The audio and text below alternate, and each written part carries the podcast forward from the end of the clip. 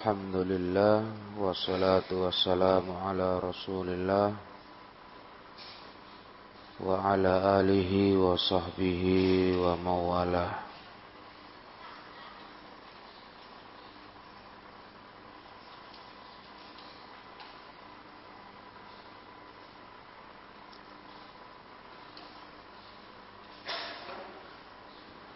Sekarang kita masuk poin wasiratu hakun.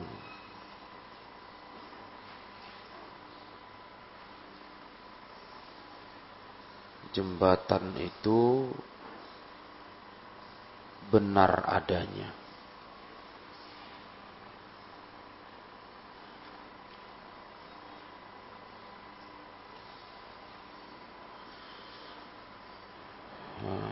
Tapi sebelum itu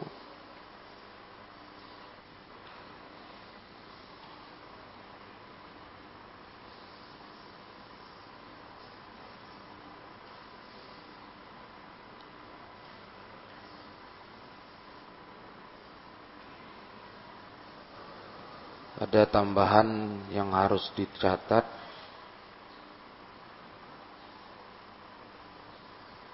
dari poin masalah surga dan neraka.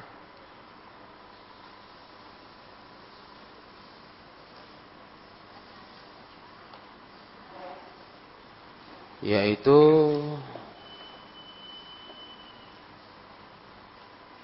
pembagian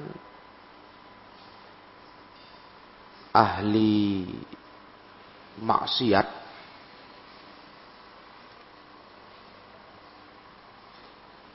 dari kalangan orang bertauhid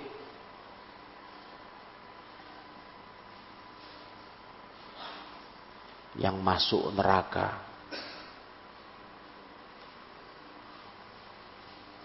Pembagian ahli maksiat dari kalangan orang-orang yang bertauhid yang masuk neraka.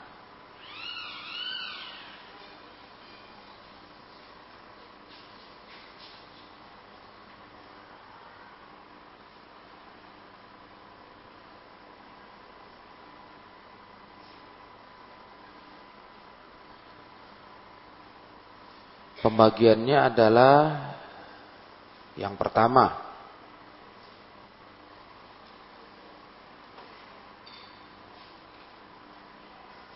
orang-orang yang dimaafkan Allah.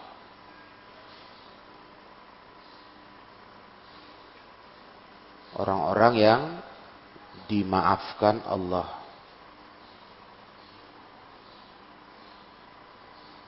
Berarti mereka tidak masuk neraka karena dimaafkan.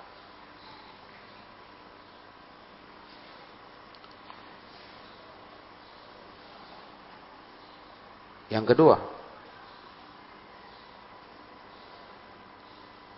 orang-orang yang berhak masuk neraka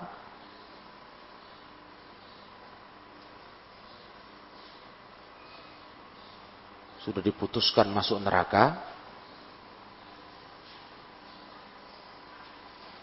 kemudian mendapat syafaat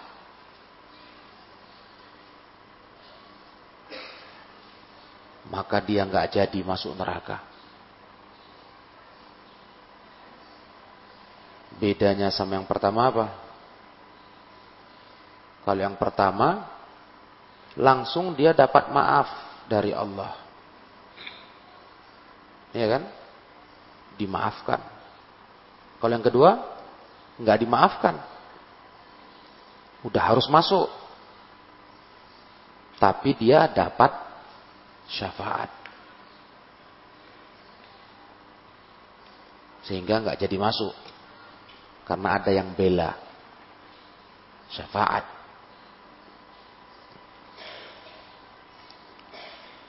Yang ketiga, orang-orang yang sudah masuk neraka. Sudah diazab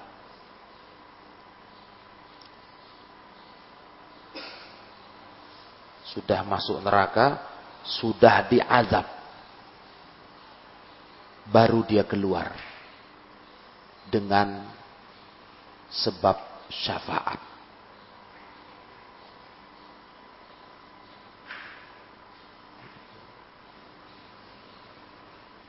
Sudah disiksa, dibakar, keluarlah dia dengan sebab syafaat. Berarti nggak lama. Nggak lama di neraka, dia keluar. Dia dibela mungkin oleh Nabi, syafaatnya Nabi Muhammad SAW, atau para nabi lain, atau malaikat, ya kan? Atau anak, atau orang solih. Nah, pokoknya dapat syafaat. Karena yang memberi syafaat itu banyak. Yang diizinkan Allah itu banyak. Bukan hanya para nabi. Tapi juga bisa orang soleh, orang beriman. Anak kecil. Seperti hadis. Orang yang punya anak kecil. Meninggal masih usia kecil. Mati anaknya dua orang, itu sebagai pembela orang tuanya di hari kiamat. Ya. Pembela bisa membela orang tuanya nggak masuk neraka atau udah masuk keluar lagi. Itu yang ketiga. Pokoknya udah masuk ini yang ketiga ini, sudah masuk. Tapi terus keluar karena dibela, dapat syafaat. Nah, yang terakhir yang keempat,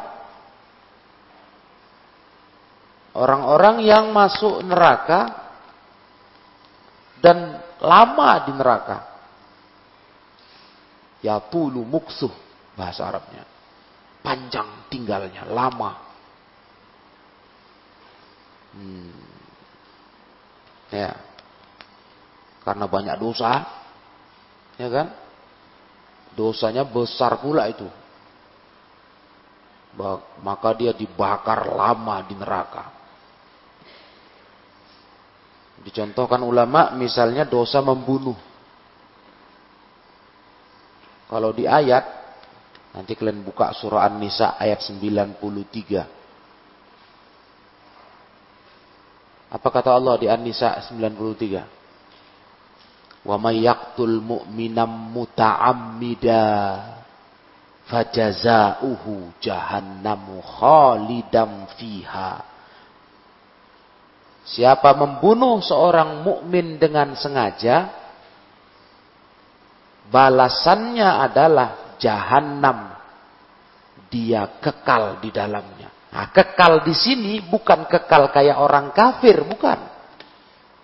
Selamanya bukan begitu. Kekal di sini maksudnya tulul muksi. Lama di dalam jahanam. Itu tafsir yang benar. Kekal di sini bukan kayak orang kafir. Kalau kafir ya nggak keluar lagi sudah. Sedangkan kalau orang beriman kekal yang dimaksud dalam surah An-Nisa gara-gara dosa membunuh itu maksudnya adalah tinggal lama di neraka. Tapi keluar juga nanti satu saat. Iya, satu saat keluar. Udah habis dosanya, dibakar. Nanti keluar lagi. Nah, begitu itu keyakinan dalam dinul Islam. Iya kan? Dalam agama kita. Jadi ada empat golongan orang-orang beriman, ahli tauhid, ahli maksiat. Ada empat golongan yang masuk neraka. Yang pertama yang dapat kemaafan, nggak jadi masuk. Perhatikan. Allah maafkan dia. Yang kedua, yang mendapat syafaat harusnya masuk, nggak jadi masuk karena ada yang bela. Nah, yang ketiga, sudah masuk ke dalam neraka, masuk di azab, tapi nggak lama. Juga karena dapat syafaat. Baru yang keempat, masuk tinggal lama gara-gara dosanya. Tapi nggak kekal. Paham Tinggal lama kayak dosa membunuh. Itu lama itu di neraka. Nah, itu dia empat golongan. Orang-orang ahli tauhid yang pelaku maksiat. Nah, sekarang coba kalian pikir dulu. mendengarkan keterangan ini, betul nggak katanya ajaran Islam ini kalau cerita alam akhirat yang ada hanya menakutkan saja. Ajaran yang mengerikan, sadis. Itu yang dituduhkan oleh kelompok-kelompok kufar Nasoro kalau ajaran kami, ajaran agama kami, kata Nasrani, itu penuh kasih. Ah. Apa itu penuh kasihnya? Kalau orang ikut agama kami, asal ikut Nasrani, dia nggak akan masuk neraka. Karena dosanya sudah ditebus oleh Tuhan Yesus. Itulah penuh kasihnya ajaran agama kami. Jadi nggak menakutkan katanya. Kalau Islam ini menakutkan cerita neraka, serem. Coba. Kenapa kalian mau dikasih tahu ini? Kenapa? Padahal itu kan bukan agama Islam. Suka hati kalian lah ngomong. Karena ini didakwahkan, diserukan bahkan dijadikan perbandingan agama. Orang-orang yang katanya terdidik ke agama, tokoh agama, kok bisanya bicara masalah itu? ada sisi baiknya agama Nasara, Nasrani. Dalam hal ini lebih indah mereka dari Islam. Loh. Coba. Kan bodoh itu namanya. Hanya karena ikut agama mereka, dijanjikan bebas dari neraka. Walaupun buat dosa apa saja. Yang penting melakukan pengakuan dosa. Mereka ada ritual, kalau habis buat dosa, pergi datang ke gereja, jumpa pendeta, akui dosamu. Udah habis, selesai. Maka keyakinan mereka, semua pengikut Nasoro di akhirat masuk surga, nggak ada masuk neraka. Mau kayak mana pun orangnya. Karena sudah ditebus sama Tuhan Yesus. Nah, jadi kalian di sini mau diajak dengan ilmu yang baru kalian catat, masuk akal mana ajarannya? Bukan kita membandingkan, maksudnya ini supaya bisa kalian jangan terpengaruh dengan omongan tadi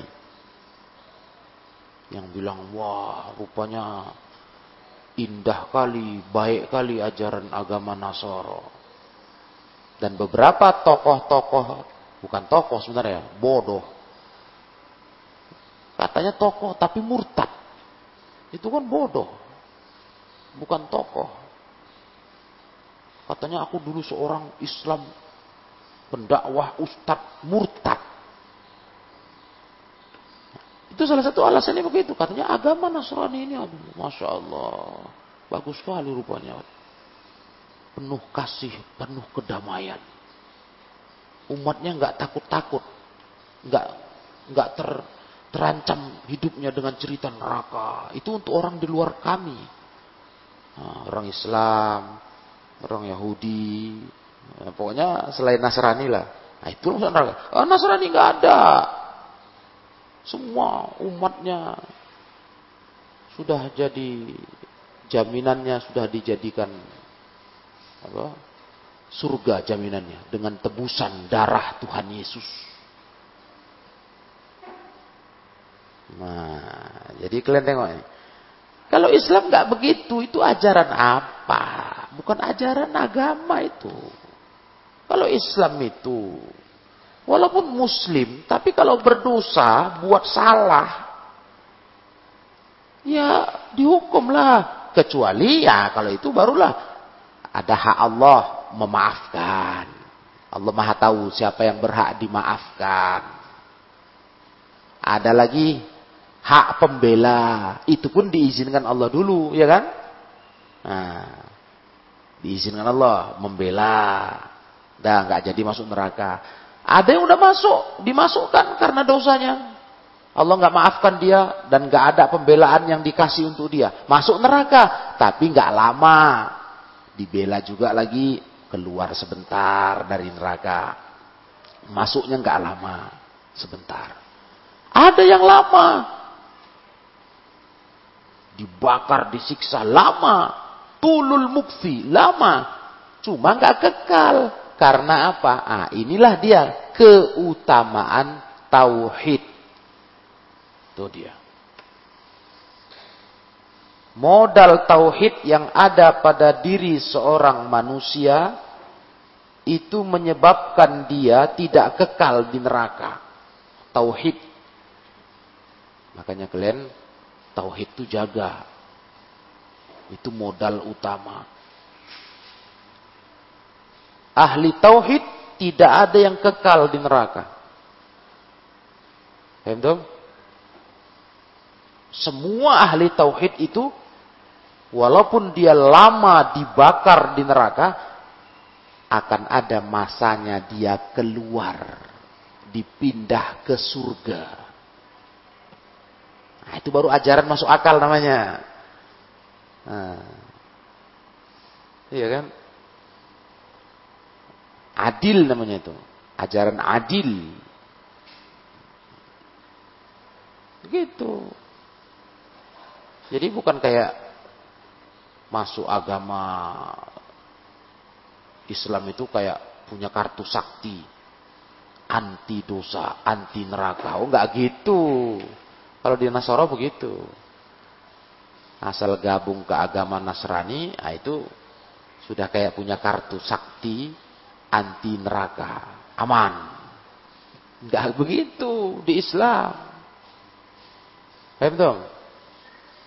Nah, maka di sini empat pembagian ini membuat kita sadar ini baru cocok dengan fitrah. Iya. Namanya orang bersalah, orang berdosa, ya berhak dihukum. Nah, cuma ada hak Allah memaafkan. Allah Maha tahu siapa yang berhak dimaafkan dosanya. Ada hak membela tadi. Nah, ada pula yang memang harus dibakar, dosanya besar kali, bunuh. Ini salah satu dosa yang mengerikan, membunuh sengaja. Dia akan tinggal lama di neraka, disiksa. Tapi nggak kekal, satu saat akan diangkat. Habis dosanya, diangkat, masuk ke surga. Tapi sebelum masuk surga, ada sungai, ya kan? Ada sungai untuk membersihkan orang ini dari bakaran neraka. Al-Jahannamiyun namanya. Mantan-mantan neraka Jahannam. Iya lulusan dari neraka jahanam. Ya. Nah, dicuci di, di, di surga, sungai itu di luar surga, nah baru masuk surga. Karena nggak boleh busuk neraka itu masuk surga. Dibersihkan dia di badannya itu semua. Begitu dalam hadis yang sahih. Nah, Ketika mendengarkan empat pembagian ini, bukan berarti terus kita berpikir, ah, nggak takut lah kalau gitu buat dosa, ngapain takut-takut. Kalaupun saya buat dosa, mungkin dimaafkan Allah katanya. Mungkin dibela. Kalaupun masuk, nggak lama karena dibela. Kalaupun lama, nggak kekal. Intinya kan masuk surga kan katanya. Ah, ini inilah dia setan. Betul. Bukan sedikit orang yang punya pikiran begitu. Hampir banyak orang awam begitu. Nah. Ada kemarin baru kemarin mualim ketemu orang. Ya. Dia ngaku dia nggak sholat. Pak Ustadz, satu yang saya belum lakukan dari Islam. Apa? Belum bisa aku sholat rutin. Loh, janganlah kau begitu. Tapi aku sedekah, rajin aku sedekah. Enggak aku usah kau sedekah kalau kau sholat kau. Apa kata dia setelah dinasihatin? Tapi kan Pak Ustadz, orang Islam pasti masuk surga kan? Walaupun masuk neraka. Nah, tengok itu. Rupanya cara pikir ini banyak orang kena. Seakan-akan surga itu kayak, eh, seakan-akan neraka itu kayak penjara. Pikirnya dikit tuh masuk penjara sebentar ataupun lama, nanti keluar juga. Jangan kau pikir neraka itu kayak penjara. Neraka itu rumah siksa. Makanya kemarin kita udah belajar dahsyatnya neraka. Oh, 69 kali lipat panas neraka daripada panas api dunia. So? Masih ingat itu? Jadi kalau kalian masih berani-berani berpikir, ah gak apa-apa lah buat dosa, nanti masuk surga juga kok. Nah, caranya kan kita udah ajarin. Nah, tes dulu jari kau bakar pakai mancis. Kalau udah tahan, ah boleh lah. Padahal kalaupun dipikir, itu baru satu bagian itu. Satu bagian itu 69 kali lipatnya panas api neraka. Nah, coba bakarkan dong jari kau pakai mancis. Berapa lama kau tahan? Gitu. Jadi ini pikiran yang bahaya ini. Sepele dia baca ini. Ah, dimaafkan, mungkin dimaafkan. Iya, yang berhak memaafkan Allah. Allah tahu siapa yang berhak. Itu jangan kau pikir-pikir kau pasti dapat. Ngerti? Jangan. Gak pasti. Siapa yang berhak dapat ya Allah yang nentukan. Oh, aku akan dibela. Iya, bisa saja kau dibela, tapi itu butuh izin Allah. Paham tuh? Jangan main-main sama neraka. Dan panas neraka itu apinya, udah belajar kita kemarin? Sudah? Seribu tahun dinyalakan, seribu tahun. Merah dia, ya kan? So, udah merah seribu tahun loh dihidupkan apinya. Tambah seribu tahun lagi, jadi apa? Putih. Saking panasnya merah jadi putih. Tambah seribu tahun lagi. Jadi apa? Hitam.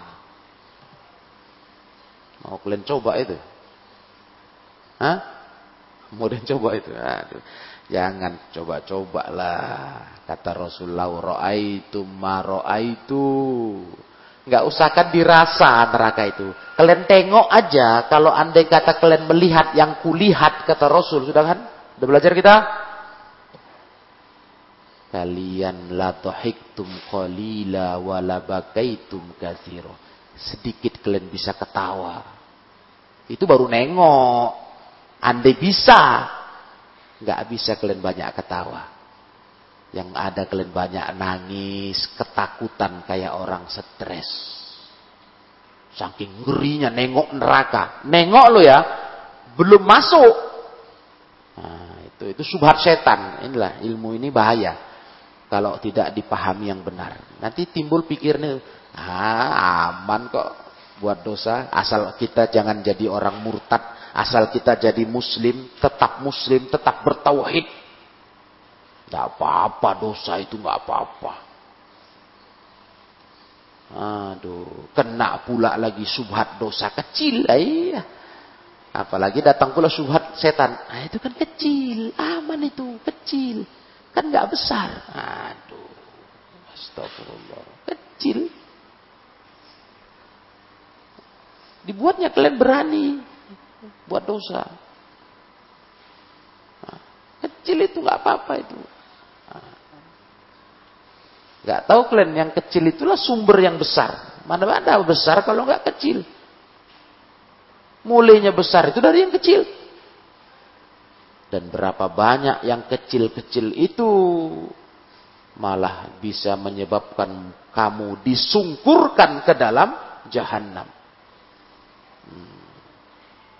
Sempat sahabat tanya, apakah kami ya Rasulullah akan dihukum dengan neraka akibat ulah mulut kami? Nah, urusan mulut kan kecil, cakap. Ya kan?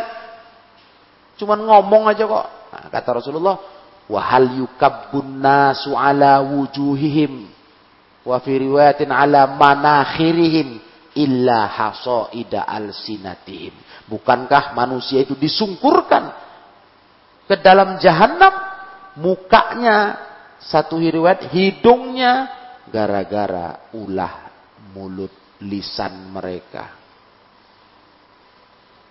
Nah, tuh hati-hati. Kita bukan baca ini, pembagian ini terus sepele sama dosa.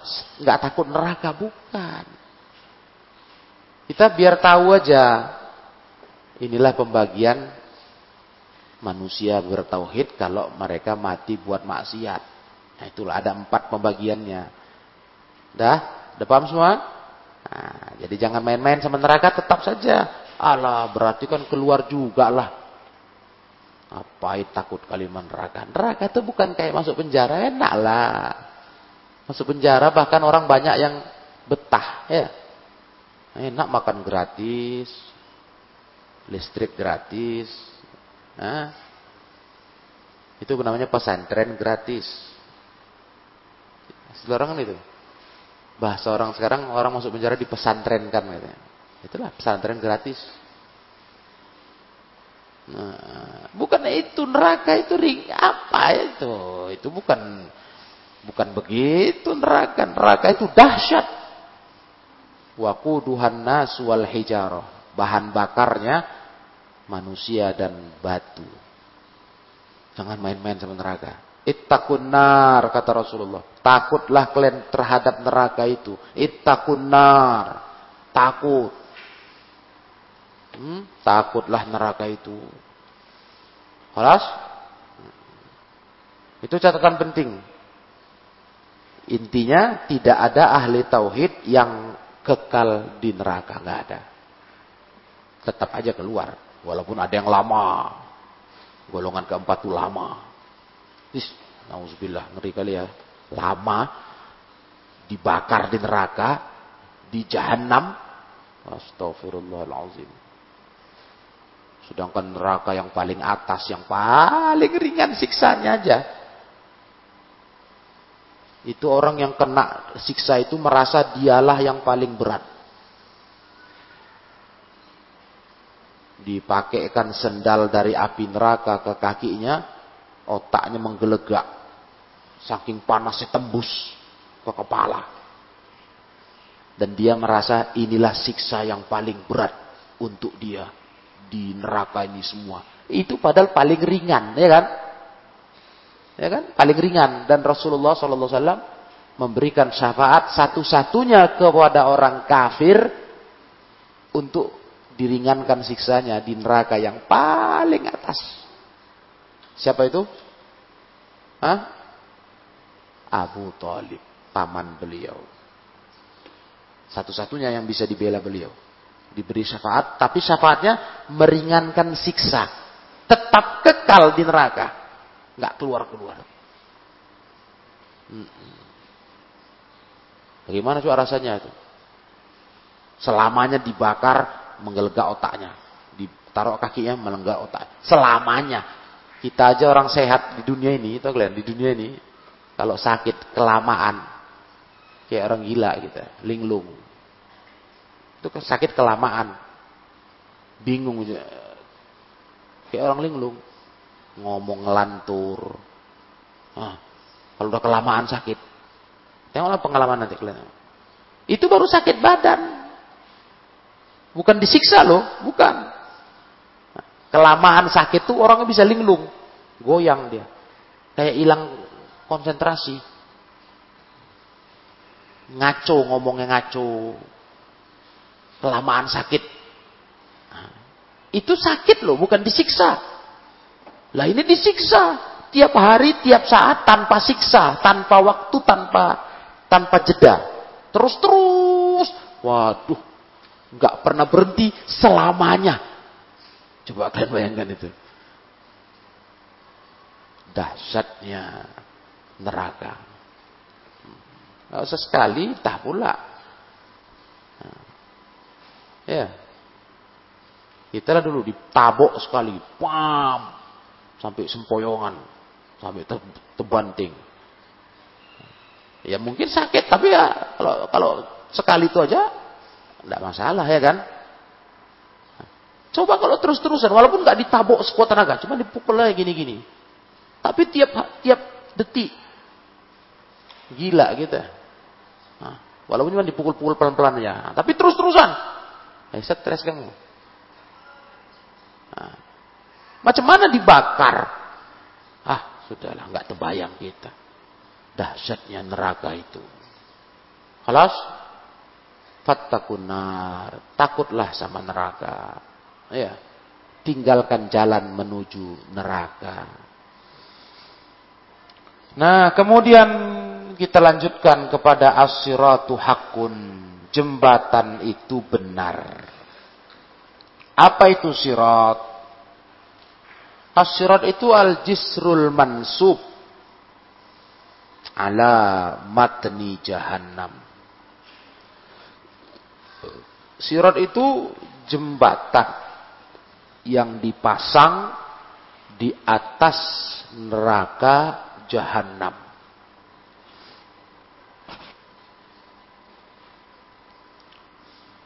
Jadi neraka jahanam, jahanam itu kan lubang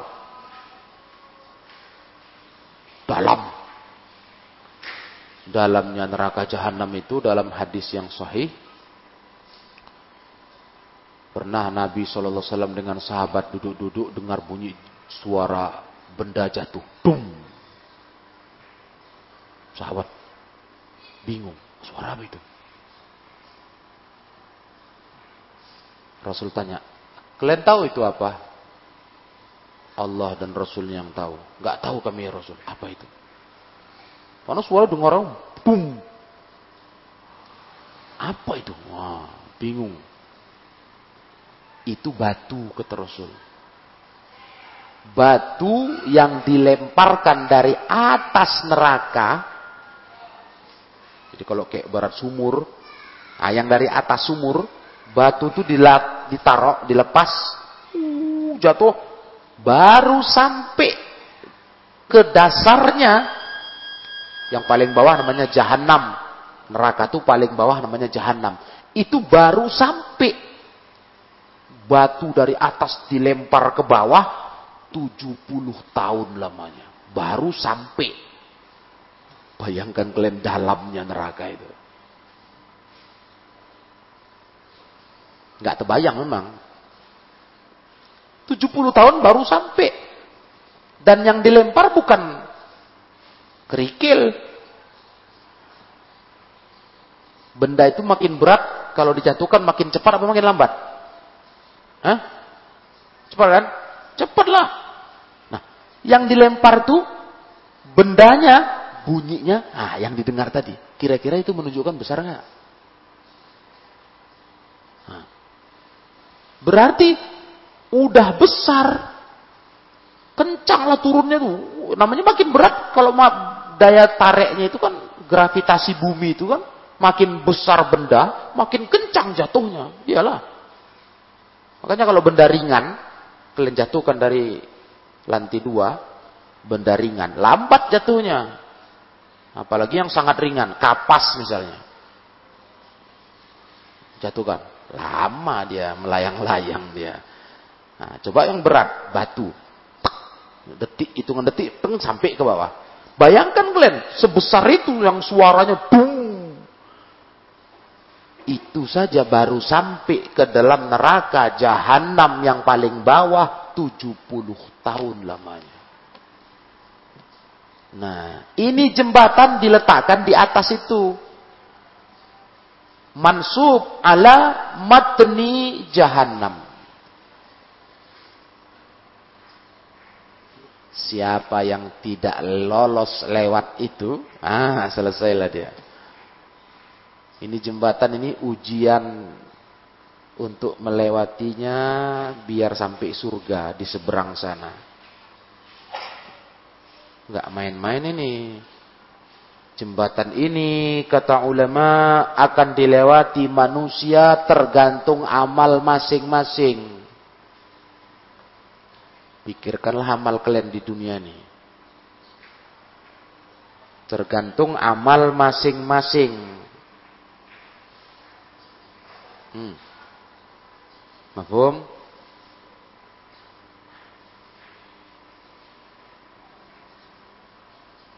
Kalau amalmu bagus, amalmu banyak, ya mungkin kau akan melewatinya dengan cepat. Bisa secepat kilat kalbarti. Bisa. Wus, semua bisa. Ada lagi lewat di atas jembatan itu kayak angin berhembus, lebih lambat. Kilat kan cepat. Cus. Ini pakai angin. Kerih. Ada.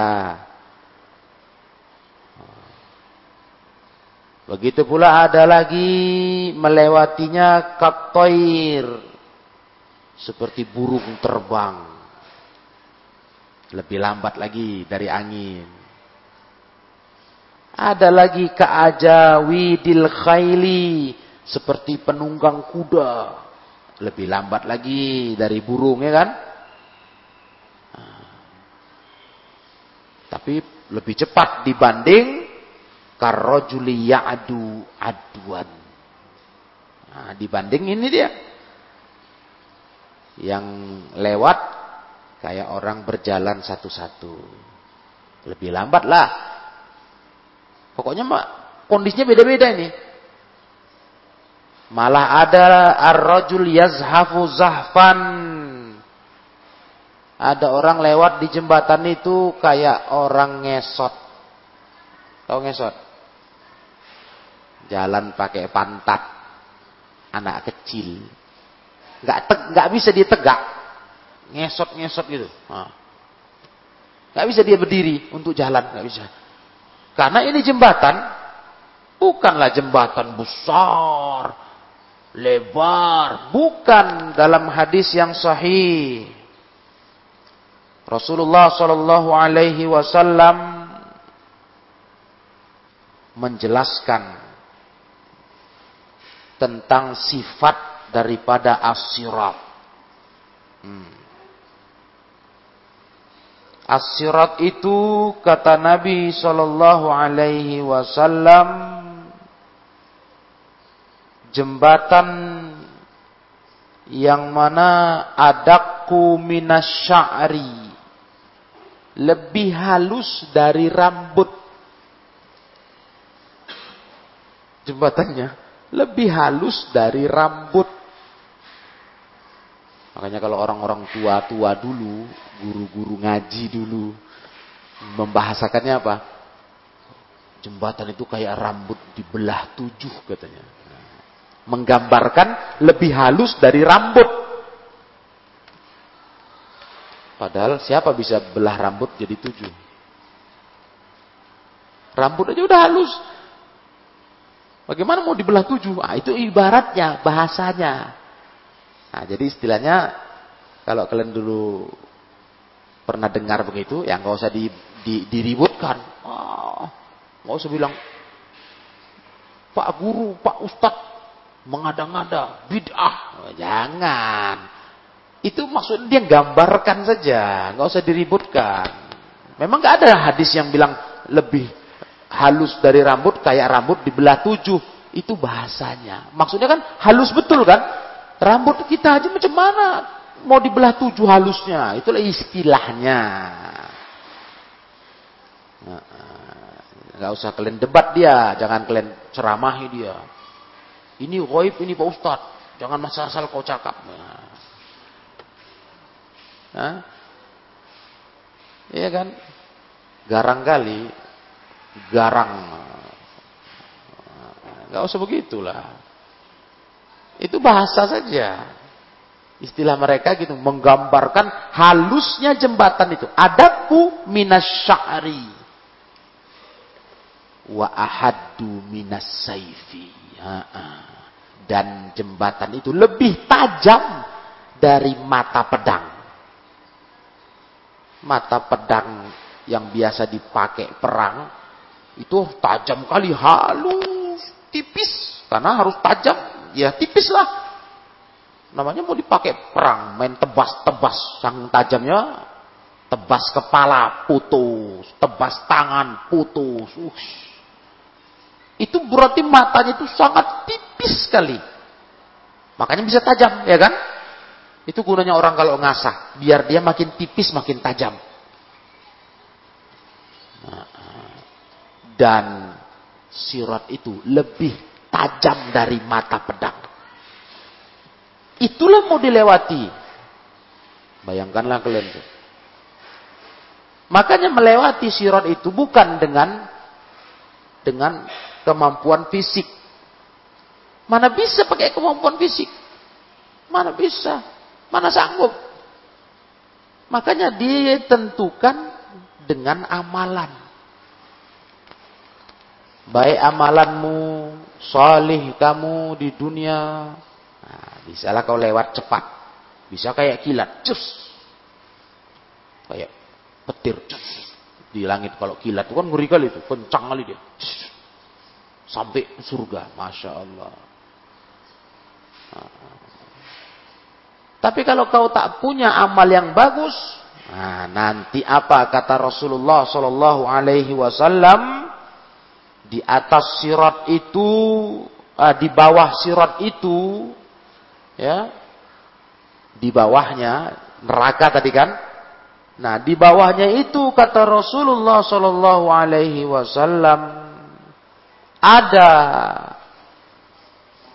pencantol. Ada pencantol. Ya. Kalau bahasa Arabnya kalalip kalau ibaratnya itu kayak gancu kalian tahu gancu Hah? Gancu itu kayak uh, sabit, atau sabit kan? Nah, kalau gancu biasa untuk es. Kalau gancu nggak tajam, cuman runcing, ya kan? Kalau gancu kan itu busi bulat, runcing dia gunanya tukang es tuh untuk nyantok nyantok es tuh tek tarik. Kalau sabit itu tajam. Nah, itu dia kalalit kayak gitu dia. Itu dari neraka kata Nabi sallallahu alaihi wasallam, "Takhtafu man umirat bi khatfi." Dia menyambar, nyambar. Hah, coba bayangkan tuh. Udahlah jembatannya tipis sekali. Terancam pula kita itu. Dia gini-gini dia. Mau narik-narik. Siapa yang disuruh ditariknya, kenalah. Tap. Masuk. Selesai tersungkurlah ke neraka itu. Astagfirullah. Maka Rasulullah SAW ketika menceritakan itu dalam sebuah riwayat Bukhari, apa kata Rasulullah Sallallahu Alaihi Wasallam? Allahumma sallim sallim. Ya Allah selamatkanlah selamatkan. Ngeri Rasul bayangkannya itu. Ngeri. Ya Allah selamatkanlah selamatkanlah. Doa Nabi. Allahumma sallim sallim. Ya, macam mana nggak ngeri? Nah, kalian aja dulu. Jalan di jembatan lah, jembatan besar lah. Tapi dari bawah jembatan tuh muncul banyak kalalip. Kayak pecantol itu. Hmm, ngejar-ngejar kalian. Oh, oh. Uyuh, macam mana coba? Itu jembatan besar. Oh, nyambar-nyambar. Kecantol dikit aja. Tep, masuk kita ke jurang. Jatuh. Melihat itu Rasulullah berdoa dalam riwayat Bukhari. Kata Rasulullah SAW, Allahumma sallim sallim. Ya Allah selamatkanlah, selamatkanlah. Nah, tapi dia hanya mau mencantol